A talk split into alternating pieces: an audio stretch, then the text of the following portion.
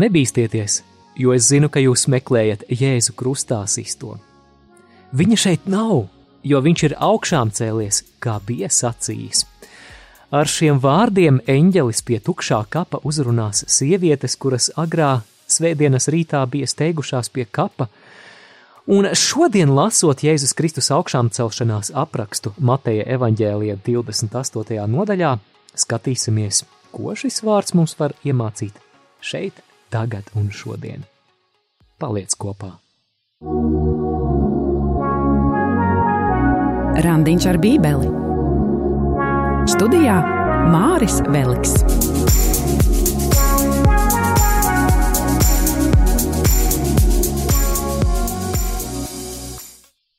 Dieva tēva un dēla un svētā gara vārdā Āmen. Kungs Jēzu Kristu, mēs ticam, ka tu esi augšām cēlies. Mēs lūdzam, esi klātesošs šajā brīdī, kad mēs lasīsim evaņģēliju par tavu augšām celšanos, par tavu uzvaru, un mēs lūdzam, izlēj pār mums savu svēto garu, lai mēs būtu uzticīgi tavi mācekļi un uzticīgi izpildot tavu lielo uzdevumu, iet un darīt par mācekļiem visas tautas. Jēzu, tev viss gods un slava caur šo raidījumu. Āmen. Dieva tēva un dēla un svētā gara vārdā Āmen. Svētais Matei lūdz par mums.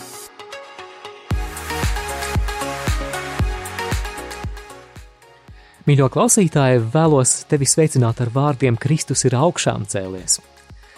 Patiesi augšām cēlies. Es ceru, ka ar pārliecību un ticību un prieku šis sauciens atskan arī pie radioaparātiem un pie citām skanošajām ierīcēm. Jēzus ir dzīvs, Jēzus ļauj mums būt dalībniekiem viņa augšām celšanās uzvarā. Jēzus Kristus augšām celšanās notikumam ir vistiešākā saistība ar mūsu dzīvi. Un lasot Jēzus Kristus augšām celšanās aprakstu Mateja evaņģēlija 28. nodaļā, mēs meklēsim, kas ir tās galvenās atziņas, ko augšām celšanās stāsts mums var iemācīt. Kas ir tas, ko mēs varam paņemt līdzi? Manuprāt, tik skaisti ir sagadījies, ka Jēzus ciešanu aprakstus mēs varējām studēt vēl gatavojoties Kristus ciešanu piemiņai lielajā piekdienā vēl lielā gavēņa laikā. Un nu esam iesoļojuši jaunā liturģiskajā laikā, un tas ir šis priecīgais lieldienu laiks, un tieši šajā laikā mēs studēsim to, kā evaņģēlists Matejs ir aprakstījis Jēzus Kristus augšām celšanos. Bet pēc sabata, pirmajai nedēļas dienai austot, Marija Magdalēna un otra Marija nāca kā papraudzīt. Notikumi norisinās, kā mēs dzirdējām nedēļas pirmajā dienā, kad sievietes steidzas uz kapu. Un uzmanību draugs nesajauc nedēļas pirmo dienu ar pirmdienu, kā mēs to uztveram. Jo Bībelē nedēļas pirmā diena ir pareizi svētdiena. Un tieši pieminot šo Kristus augšām celšanās notikumu kā centrālo, vissvarīgāko faktu kristietībā, tad nu kristīgā baznīca turpmākajos gadsimtos kunga dienu ir izvēlējusies svinēt lielākoties tieši svētdienā. Evanģēlists Matejs, kā mēs dzirdējām, ir diezgan lakonisks un skops aprakstā par to, kā sieviete steidzās uz kapu un neatklāja iemeslus, kādēļ viņas to darīja, bet, ja mēs ielūkojamies paralēlajās vietās Marka un Lūkas evanģēlijā, respektīvi Marka 16. nodaļa un Lūkas 24. nodaļa, mēs uzzinām, ka sievietes uz šo kapu agrā rīta stundā steidzās ar sagatavotām smarzālēm. Kāpēc? Jēzus tika guldīts kapā lielā steigā, jo tuvojās sabats, kad nedrīkstēja darīt nekādus darbus. Līdz ar to pie Jēzus mirstīgajām atliekām nebija izpildītas visas rituālās reliģiskās ceremonijas, tā skaitā svaidīšana ar smaržzālēm. Un tagad, kad sabats ir beidzies, sievietes steidzas pie šī kapa, nemaz nenojaušot par to, kas viņas tur sagaida. Un redzi, notika liela zemestrīce, jo tā kunga eņģelis nāca no debesīm, piegājis novēl akmeni no durvīm un sēdās tur virsū. Notiek liela zemestrīce. Interesanti, ka svētajos rakstos zemestrīce nereti pavada dieva ārkārtēju iejaukšanos. Un tā tas notiek arī šajā brīdī, kas ir Jēzus augšām celšanās brīdis. Mēs lasījām, ka nāk dieva eņģelis no debesīm, noveļ akmeni un apsēžas akmenim virsū. Uzvaras pozīcija. Tālāk evaņģēlists Matejs no 3. panta apraksta eņģeļa izskatu. Un viņa izskats bija kā zibens, un viņa drēbes balts kā sniegs, bet sargi drebēja aiz bailēm un kļuva kā miruši. Ak, drosminieki! Šie sargi, kas tika pielikti kapam, lai sargātu, acīm redzot, bija pieredzējuši vīri, izturīgi dažādos pārbaudījumos un ekstremālās situācijās, bet nu mēs lasām par viņiem, ka viņi drebēja aiz bailēm un kļuva kā miruši. Pievērs uzmanību šim vārdam, kļuva kā miruši. Kāda ironija! Sargi kļūst kā miruši brīdī, kad tas, ko viņi sargāja, un tas, par ko viņi bija pārliecināti, ka viņš ir miris, šajā brīdī vairs nav miris, bet patiešām dzīvs. Bet eņģēlis uzrunāja sievas sacīdams: Nebīsties, jo es zinu, ka jūs meklējat jēzu krustā sisto. Viņš nav šeitan, jo viņš ir augšām cēlies, kā viņš sacīs. Nāciet šurp un raugat to vietu, kur tas kungs gulēja. Eņģelis sievietes uzrunā ar iedrošinājumu nebīsties. Un pievērsiet uzmanību, ka viņš adresē šo vārdu tieši sievietēm, nevis sargiem, kas bija pārpījušies. Patiešām Jēzus Kristus ienaidniekiem ir iemesli baidīties no viņa augšām celšanās, bet noteikti ne Jēzus draugiem. Un ziniet, kur ir atslēga? Eņģelis sievietēm saka: Es zinu, ka jūs meklējat Jēzu krustā sisto. Dārgais draugs, ja tu meklē Jēzu, tev nav iemesla baidīties no augšām celšanās. Tālāk eņģelis pasludina, ka viņa šeit nav, viņš ir augšām cēlies, kā bija sacījis. Tālāk, septītajā pantā mēs lasām, ka eņģelis dod sievietēm norādījumus. Un eitas teikšus un sakat viņa mācekļiem, ka viņš ir no mirušajiem augšām cēlies. Un redzi, viņš mums pa priekšu noies uz Galileju, tur jūs viņu redzēsiet. Redzi, es jums to esmu sacījis. Eņģelis mudina sievietes doties pie Jēzus mācekļiem un pasludināt vēsti, ka Jēzus Kristus ir augšām cēlies, ka viņš ir dzīvs un ka viņš noies viņiem pa priekšu uz Galileju, un tieši Galilejā mācekļi viņu satiks. Mirkli uzkavēsimies pie šī apsolījuma, ka mācekļi satiks Jēzu Galilejā. Vai tas tev nešķiet kaut kas pazīstams? Ja uzmanīgi lasīji Mateja evaņģēliju klausoties iepriekšējos raidījumus, ja atceries, kā mēs sākām studēt Kristus ciešanu aprakstu, tad Jēzus tur izteica vairākus pravietojumus un Tā skaitā arī mācekļiem nevisai glaimojošu pravietojumu, ka mācekļi šajā naktī apgrēcināsies. Varbūt atceries, ka viņš citēja veco derību, ka gans tiks sists un avis tiks izklīdinātas. Bet tālāk Jēzus teica mācekļiem mierinošus vārdus, ka, es citēju, pēc manas augšām celšanās es jums pa priekšu aiziešu uz Galileju. Mateja 26, 32. Tad no sievietes saņem šo pamudinājumu un steidzas pie mācekļiem. Un tās steigšas izgāja no kapa ar bijāšanu un ar lielu prieku, un tecēja to vēstīt viņa mācekļiem. Interesanti, ka sieviešu emocijas raksturo gan bailes, gan liels prieks. Protams, ka tās nav tās ļaunās, paralizējošās, asinis stingzinošās bailes, bet uh, tas ir normāls iekšējs saviņojums, iekšējs satricinājums, ka tu saskaries ar kaut ko ļoti pārdabisku. O, bet tas vēl ir tikai sākums. Sievietes ceļā gaida vēl kaut kas ļoti, ļoti īpašs. Bet, kad tās gāja šo vēstu mācekļiem nest, redzi, Jēzus nāca tām pretī un sacīja: Esiet sveicināts! Bet tās piegāja pie viņa, apkampa viņa kājas un krita viņa priekšā pie zemes. Mēs varam tikai mēģināt iztēloties, kādām jābūt emocijām. Kad tavā priekšā dzīves stāv tas, kuru pirms dažām dienām tu redzēji ne, neapšaubāmi mirušu, saļimušu, nomocītu, nosiņojušu. Un tagad viņš ir dzīves viņu priekšā. Sievietes reaģē, metoties zemē viņa priekšā, krītot pie kājām un apkampjot Jēzus kājas. Tāda tā nav parādība, tā nav halucinācija. Sievietēm ir iespēja pieskarties īstam, fiziskam Jēzus ķermenim. Mums, diemžēl, šajā raidījumā nav laika pakavēties sīkāk pie apoloģētikas, jeb aizstāvības par to, ka Jēzus augšām celšanās patiešām ir vēsturisks fakts. Par to varētu gari un plaši runāt, es tikai ieskicēšu dažus virzienus, ko mēs varam pārdomāt. Vispirms uz evaņģēliem mēs varam lūkoties kā uz vēsturiskiem dokumentiem, vēsturiskiem avotiem. Ņem vērā, ka visagrīnākais no evaņģēliem – Marka evaņģēlijs ir tapis 1. gadsimta 60. gadu pirmajā pusē, tas nozīmē, ka apmēram 30 gadus pēc Jēzus nāves un augšām celšanās. Šis ir laiks, kad lielākā daļa Jēzus ciešanu un augšām celšanās liecinieki vēl joprojām ir dzīvi. Jēzus mācekļi vēl ir dzīvi. Tas nozīmē, ka viņiem būtu iespēja šo tekstu norakstīt kā nepatiesu, ja tas neatbilstu viņu pieredzēji.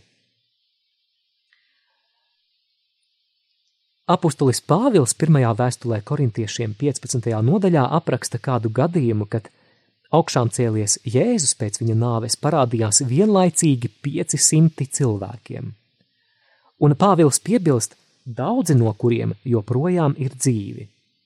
Citiem vārdiem sakot, ja jūs nepārliecina apgalvojums, ka Jēzus ir dzīvs, tad aizejiet, jūs varat satikt cilvēkus, kuri bija šo 500 vidū, kuri redzēja, ka Jēzus ir augšām cēlies.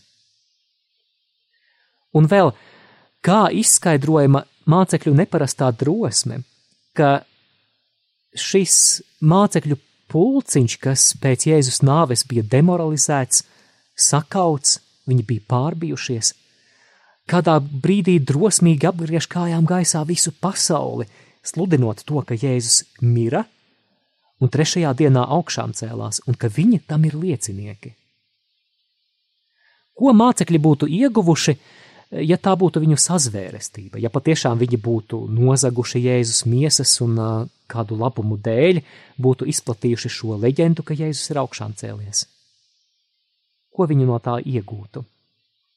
Mēs zinām, ka viņu ieguvums bija tas, ka Vairums no viņiem atdot savas dzīves mocekļa nāvē līdz pēdējam elpas vilcienam, apliecinot savu ticību tam, ko viņi ir redzējuši.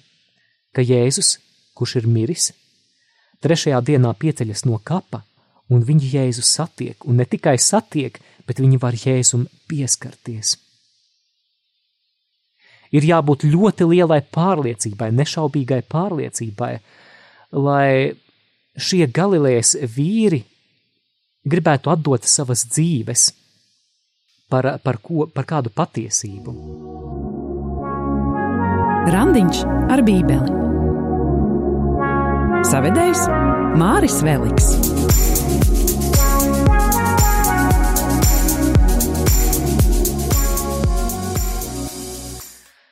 Bet labi, ķeramies klāt tālāk tekstam. Desmitais pants Jēzus šeit atkārto eņģeļa izteikto pamudinājumu. Tad Jēzus saka uz tām: Nebīsties, ejiet un sakat to maniem brāļiem, lai viņi noiet uz Galileju, un tur viņi mani redzēs. Pavisam drīz mūsu uzmanība patiešām tiks vērsta uz Jēzus tikšanos Galilejā ar saviem mācekļiem, Bet eh, pirms tam no 11. panta Matejs liek mums uzkavēties mazliet pie drāmas, kas norisinās Jeruzalemē. Tā ir pamatīga drāma, tas ir skandāls.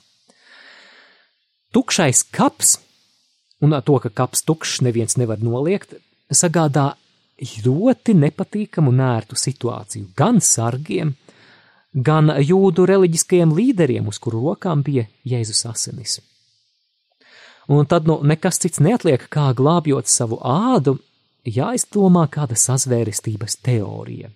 Un jā, mazliet kukuļdošanas, lai novērstu skandālu, arī nāktu par labu. Lasām. Bet viņam aizejot, redzi, kādi no sargiem atnāca pilsētā un pastāstīja augstiem priesteriem visu, kas bija noticis. Un tie sapulcējās ar vecajiem, nolēma dot kareiviem pa pilnam naudas, un tos pamācīja. Sakat, ka viņa mācekļi naktī atnākuši un mums guļot to izzaguši, un ja tas zemes pārvaldniekam taptu zināms, mēs viņu gan pārunāsim, gan gādāsim par to, ka jums nekas nenotiek, un sargi ņēma naudu un darīja, kā bija mācīti un šī valoda izpaudās pie jūdiem līdz šai dienai. Tā tad ir tapusi sazvērestības teorija, ka Jēzus mācekļi ir nozaguši Jēzus mirstīgās atliekas. Dosimies īsā mūzikas pauzē, lai pārdomātu dzirdēto, un pavisam drīz būšu atpakaļ.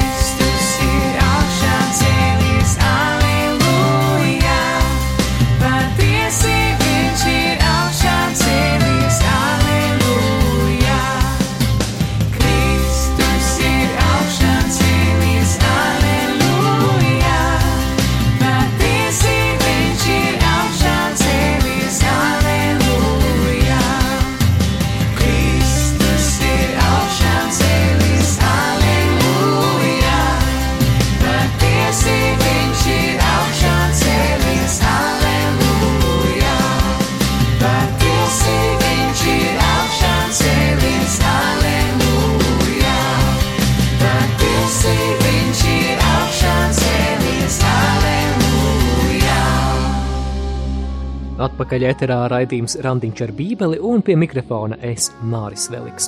Turpinām studēt Jēzus augšām celšanās aprakstu Mateja evaņģēlija 28. nodaļā, un tagad lasām sākot no 16. panta. Bet viņa 11 mācekļi nogāja uz Galileju, uz to kalnu, kur Jēzus tiem bija pavēlējis. Un, kad tie viņu redzēja, tie nokrita viņa priekšā ceļos, bet citi vēl šaubījās. Bībeles komentāros atradu, ka vārds šaubījās nenoteikti nozīmē, ka bija mācekļi, kuri neticēja. Iespējams, ka šīs šaubas drīzāk raksturo viņu apjukumu, kā tagad izturēties pret Jēzu.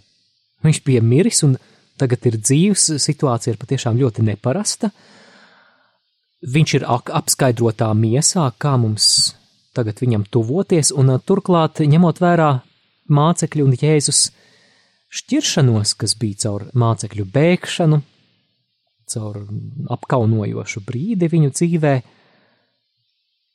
Kā, kā būs tagad? Ko teiks Jēzus? Tomēr šī ir ļoti īpaša atkal satikšanās, jo šī mācekļu un Jēzus kopiena, kas, ja tā var teikt, izšķīda pēc pēdējām vakariņām, atkal tiek sapulcināta. Jēzus viņus atkal sapulcina. Šiem mācekļiem, kuri ir izrādījušies gļēvi, viņš dod jaunu iespēju, viņš viņus nav atraidījis, viņi joprojām ir viņa draugi.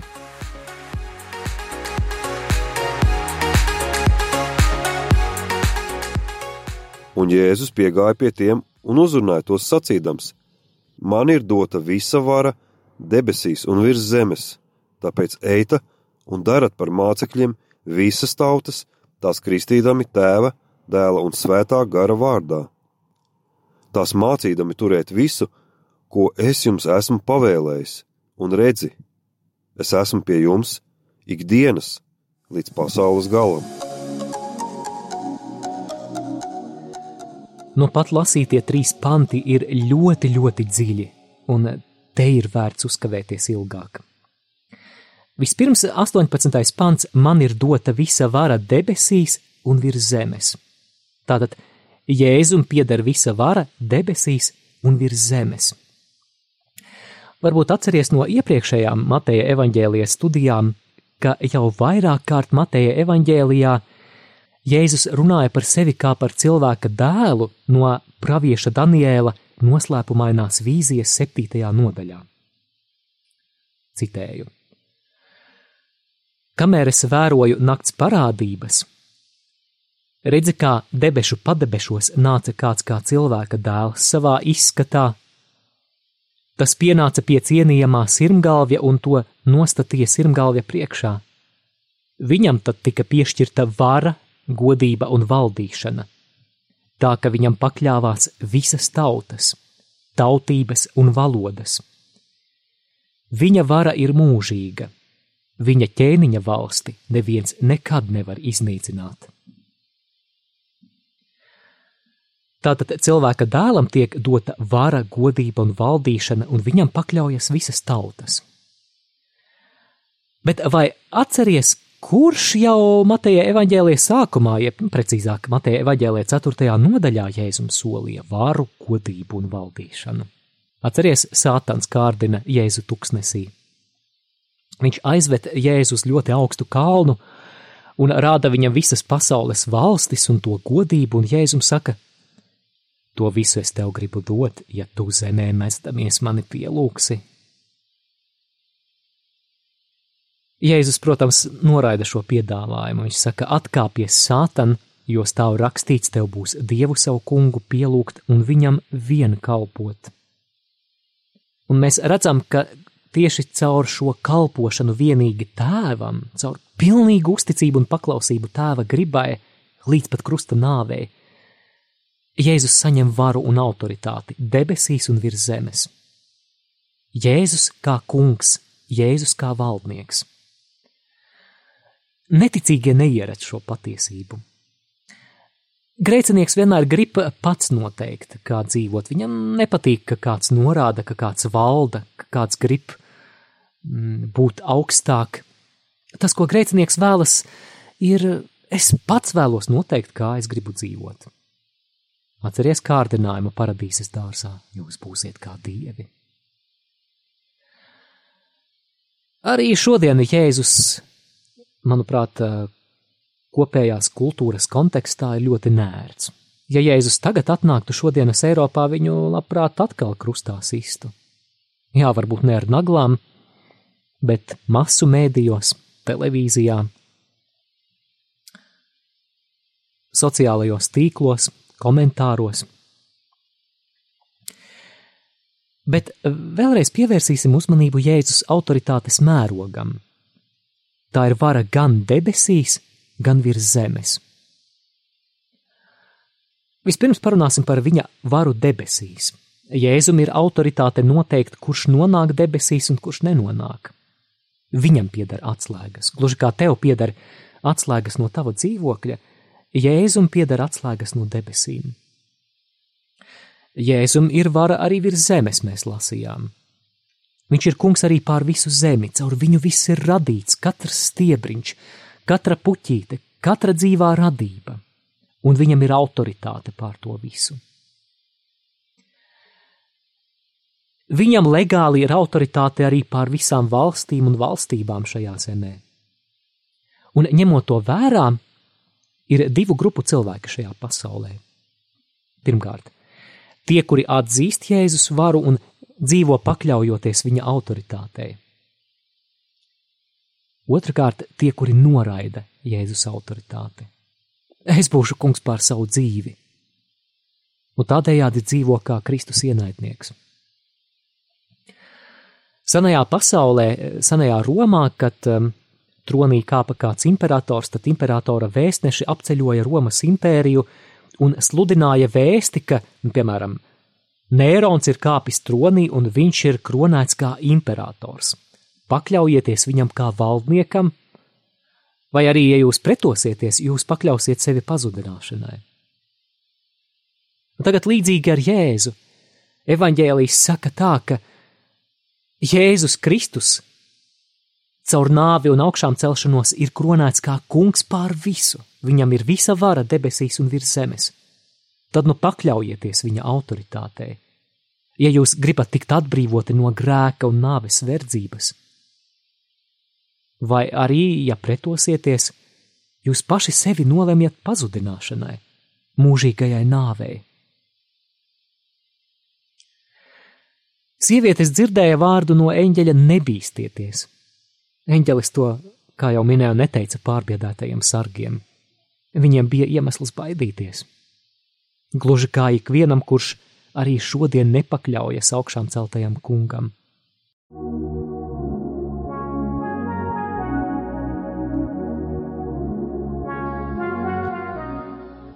Bet jautājums, ko nozīmē pakļauties Jēzus autoritātei? Un um, lasām tālāk 19. pantu. Tāpēc ejiet un dariet par mācekļiem visas tautas. Citiem vārdiem sakot, pakļauties Jēzus autoritātei nozīmē būt par mācekli. Bet kas ir māceklis? Kas mācekli raksturo? Un te ir vairākas lietas. Pirmkārt, māceklis ir tas, kurš mācās. Māceklis ir tas, kurš mācās no Jēzus. Nevis augstprātīgi saka, es pats zinu, es pats noteikšu, kā dzīvot, jeb es pats būšu kā dievs, bet māceklis ir gatavs mācīties no Jēzus, saņemt no viņa. Tātad ļaut, lai Jēzus vārds veido cilvēka vērtības, domāšanu. Atcerēsimies kādu slavenu rakstu vietu Mateja evaņģēlija 11. nodaļā, no 28. panta. Jēzus tur saka: Nāciet šurp pie manis visi, kas esat bēdīgi un grūtsirdīgi, es jūs gribu atvieglināt. Ņemiet uz sevi manu jūgu, tātad saistieties ar mani, un tālāk mācieties no manis, jo es esmu lēnprātīgs un no sirds pazemīgs. Tad jūs atradīsiet atvieglojumu savām dvēselēm. Tātad mācieties no manis. Māceklis ir tas, kurš mācās no Jēzus, un interesanti, ka šajā Mateja 11. nodaļā lietots tas pats vārds mācīties, kas lietots arī šeit Mateja evaņģēlie 28. nodaļas nobeigumā runājot par mācekli. Vēl mēs varam atcerēties Jēzus pārveidošanās notikumu Mateja evaņģēlijas 17. nodaļa 5. pants, kura no debesīm atskan tēva balss, kas saka: Šis ir mans mīļais dēls, pie kura man labs prāts, to jums būs klausīt.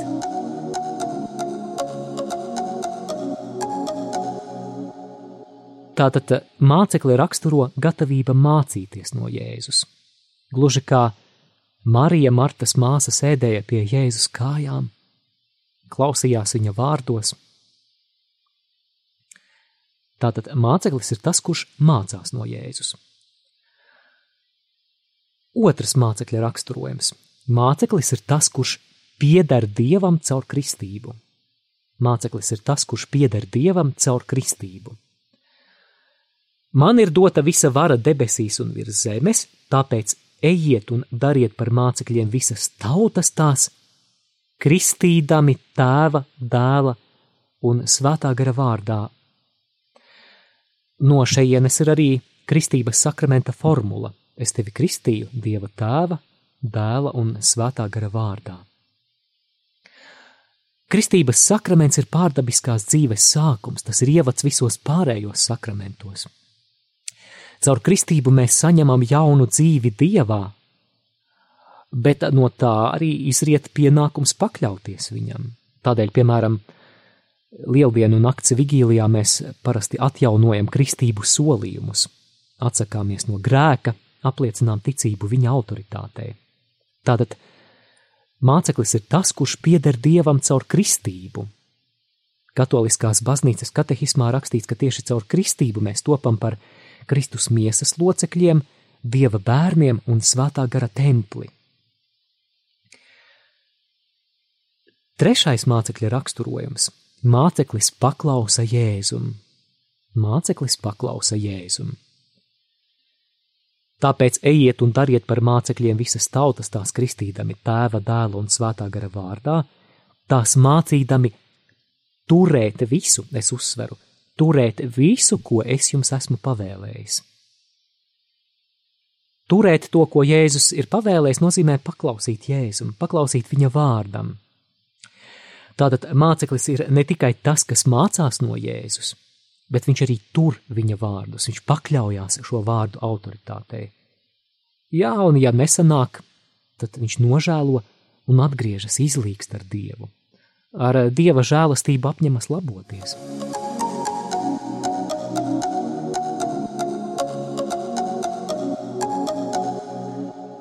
Šie trīs panti, ko mēs eh, lasījām Mateja evaņģēlija noslēgumā, tos sauc par Kristus lielo pavēli, Jēzus lielā pavēle. Tas ir tas lielais uzdevums, ko baznīcai ir uzticējis Jēzus, proti, iet un darīt par mācekļiem visas tautas. Iekļaut tās dieva ģimenē un kristīgajā kopienā caur kristības sakramentu un mācīt Jēzus vārdu, mācīt, kā dzīvot saskaņā ar Jēzus vārdu. Un, brāļi, māsas, nav svarīgāka uzdevuma mums kā kristiešiem par šo. Ja baznīca atstāja novārtā misiju glābt dvēseles, tā ir pamatīgi novirzījusies no kursa.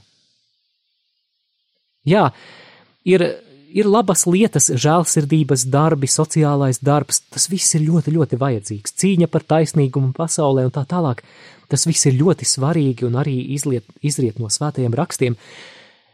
Bet ja mēs zaudējam galveno fokusu uz dvēseļu glābšanu, uz cilvēka dvēseles likteni mūžībā, mēs kā baznīca kļūstam vienkārši par kārtējo sabiedrisko starptautisko organizāciju. Nesen es dzirdēju par kādu amerikāņu jezuītu tēvu, kurš esot teicis, ka viņš, viņš eh, ir gatavs sludināt par, par mīlestību, par taisnīgumu un par tādām lietām, bet eh, ka viņš nekad nesludinās par dvēseles glābšanu, jo viņam tas nav saprotams termins mm, sarkanā lampiņa. Te, te kaut kas nav kārtībā, kad notiek tā. Pāvests Pāvils VI dokumentā Evangelija Nunciandi norādīja, ka baznīca pastāv, lai evanģelizētu. Tas ir, lai sludinātu un mācītu, lai būtu žēlastības dāvanas kanāls, lai samierinātu grēciniekus ar Dievu. Citāta beigas. Tātad baznīca pastāv, lai evanģelizētu. Un šajā Jēzus lielajā pavēlē, Mateja evanģēlijā, mēs redzam, ka svarīgs ir gan pasludinātais vārds, un tam ir jāatspoguļo Kristus mācība, evanģēlijas. Bet svarīgs, ļoti svarīgs ir arī sakramentālais aspekts. Caur kristību cilvēks tiek iekļauts Kristus miesā. Ideālā gadījumā evanģelizācijai būtu jārezultējas ar jaunā ticībai pievērstā cilvēka pilnvērtīgu iekļaušanos baznīcas sakramentālajā dzīvē, un no tās izplūst žēlastība pēc žēlastības. Varētu jautāt, cik efektīvi Jēzus liecinieki esam šodien. Vasaras svētkos augšstabā bija 120 cilvēki, Jēzus mācekļi, viņa māte Marija Tikai 120 cilvēki. Kā tas ir iespējams, ka šī saujiņa kļuva par baznīcu, kas tagad aptver visas tautas, visus kontinentus? Kā tas ir iespējams, ka tu, klausītāji, esi saņēmis evaņģēliju un kristības žēlastību? Tas bija iespējams tādēļ, ka vasarsvētko šī mazā cilvēku saujiņa saņēmusi svētā gara spēku, devās un uzticīgi pildīja to, ko Jēzus šajā lielajā uzdevumā bija uzticējis un viņi evanģelizēja un ne jau vien ebrejus, bet kā Jēzus to pavēlēja visas tautas. Viņi tos darīja par dieva bērniem, kristīdami tos tēva, dēla un svētā gara vārdā. Viņi mācīja turēt visu, ko Jēzus bija pavēlējis. Man nāk prātā skaists piemērs no apakstuļu darbu astotās nodaļas, kur diakons Filips satiek etiopiešu augstmani, kurš ratos brauc no Jeruzalemes atpakaļ uz Etiopiju, lasa svētos rakstus un nesaprot, par ko, ir, par ko tur ir runa. Un tad gara pamudināts Filips dodas klāt šim etiopietim, izskaidro viņam svētos rakstus, tātad viņš vispirms sludina, bet tad sako kristības. Pats etiopietis saka, paskaties ūdens, kas man liec tikt kristītam. Ja tu tici Jēzum Kristum, tad, tad var. Tātad eh, vispirms viņš sludina, bet tad kristīja. Ko es varu darīt, lai palīdzētu baznīcai pildīt šo lielo uzdevumu? Jā, mūs dabiski var pārņemt bailes un nedrošība, bet lūk, ko Mateja evaņģēlija noslēgumā saka Jēzus: Es esmu ar jums līdz pasaules beigām. Tātad nebīsties. Jēzus tev apsola savu klātbūtni. Jēzus mums apsola to, ka viņš būs ar mums katru dienu līdz pasaules beigām. Interesanti, ka vecajā derībā ir vairāki piemēri, kur, tad, kad Dievs sūta misijā kādu vāju cilvēku, viņš apsola savu klātbūtni.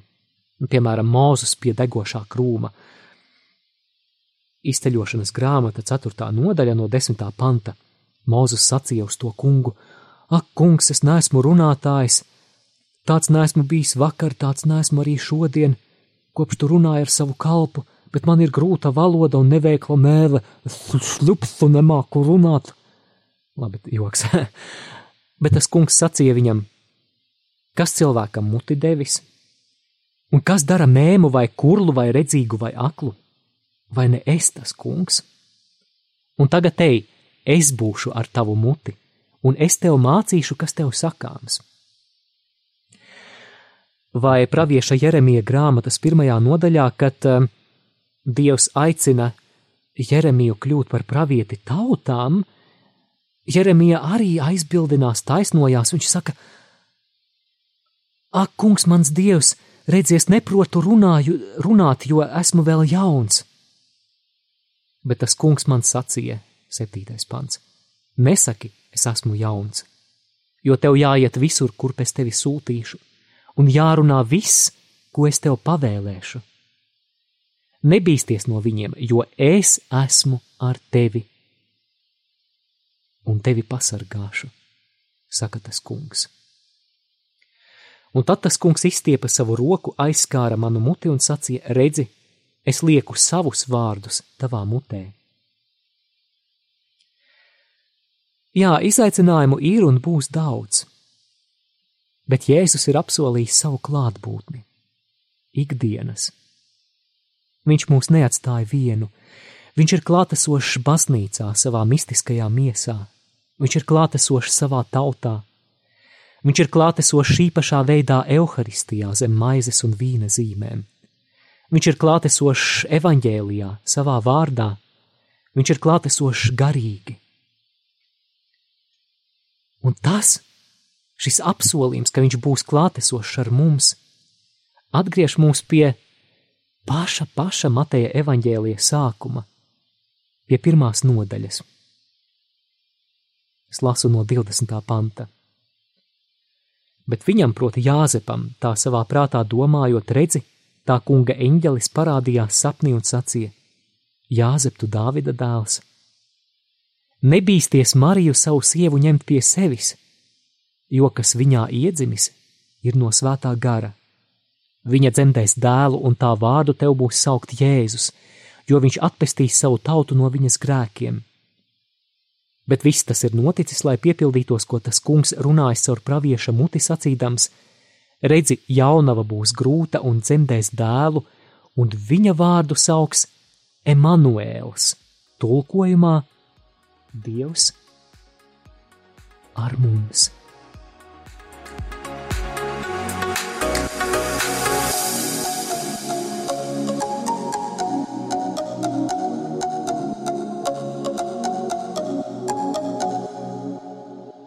Noslēgumā rezumēšu trīs galvenās domas. Pirmā - Jēzum pieder vara. Otrā - Jēzus mūs sūta misijā. Trešā Jēzus apsola savu klātbūtni. Viņš ir Dievs ar mums. Es vēlos noslēgumā lūgt par to, lai Dievs mūs apgaismo, iedrošina un parāda tieši, kā Viņš vēlas, lai mēs būtu līdzdalīgi Viņa lielās pavēles, lielā uzdevuma izpildē. Dieva tēva un dēla un svētā gara vārdā Āmen. Kungs Jēzu, Stiprini mūs ar savu svēto garu. Palīdz mums būt drosmīgiem lieciniekiem. Tiem, kas nebaidās pasludināt tavu nāvi pie krusta un augšām celšanos. Kungs Dievs palīdzi mums atklāt, kādas ir mūsu dāvanas un, un kādos veidos tu vēlies, lai mēs kalpojam. tava evaņģēlija labā un dvēseļu pestīšanai.